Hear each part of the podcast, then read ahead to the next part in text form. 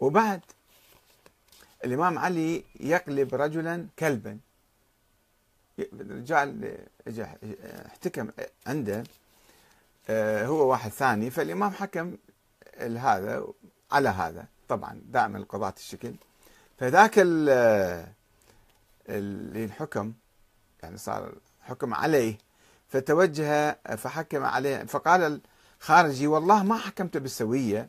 ولا عدلت في القضية وما قضيت وما قضيتك عند الله بمرضية غضب. قال أنت ما حكمت بالعدل.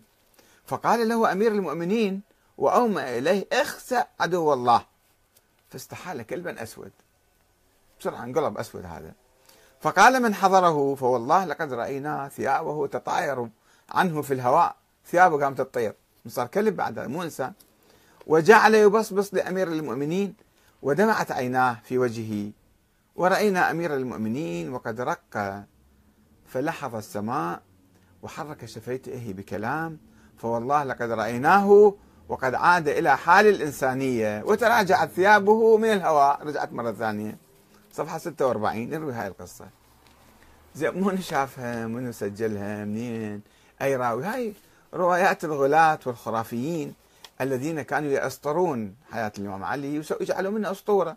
اضحوكة تصير الأسطورة تصير ضحوكة يعني أي واحد يسمع الكلام هذا يضحك علينا وبعد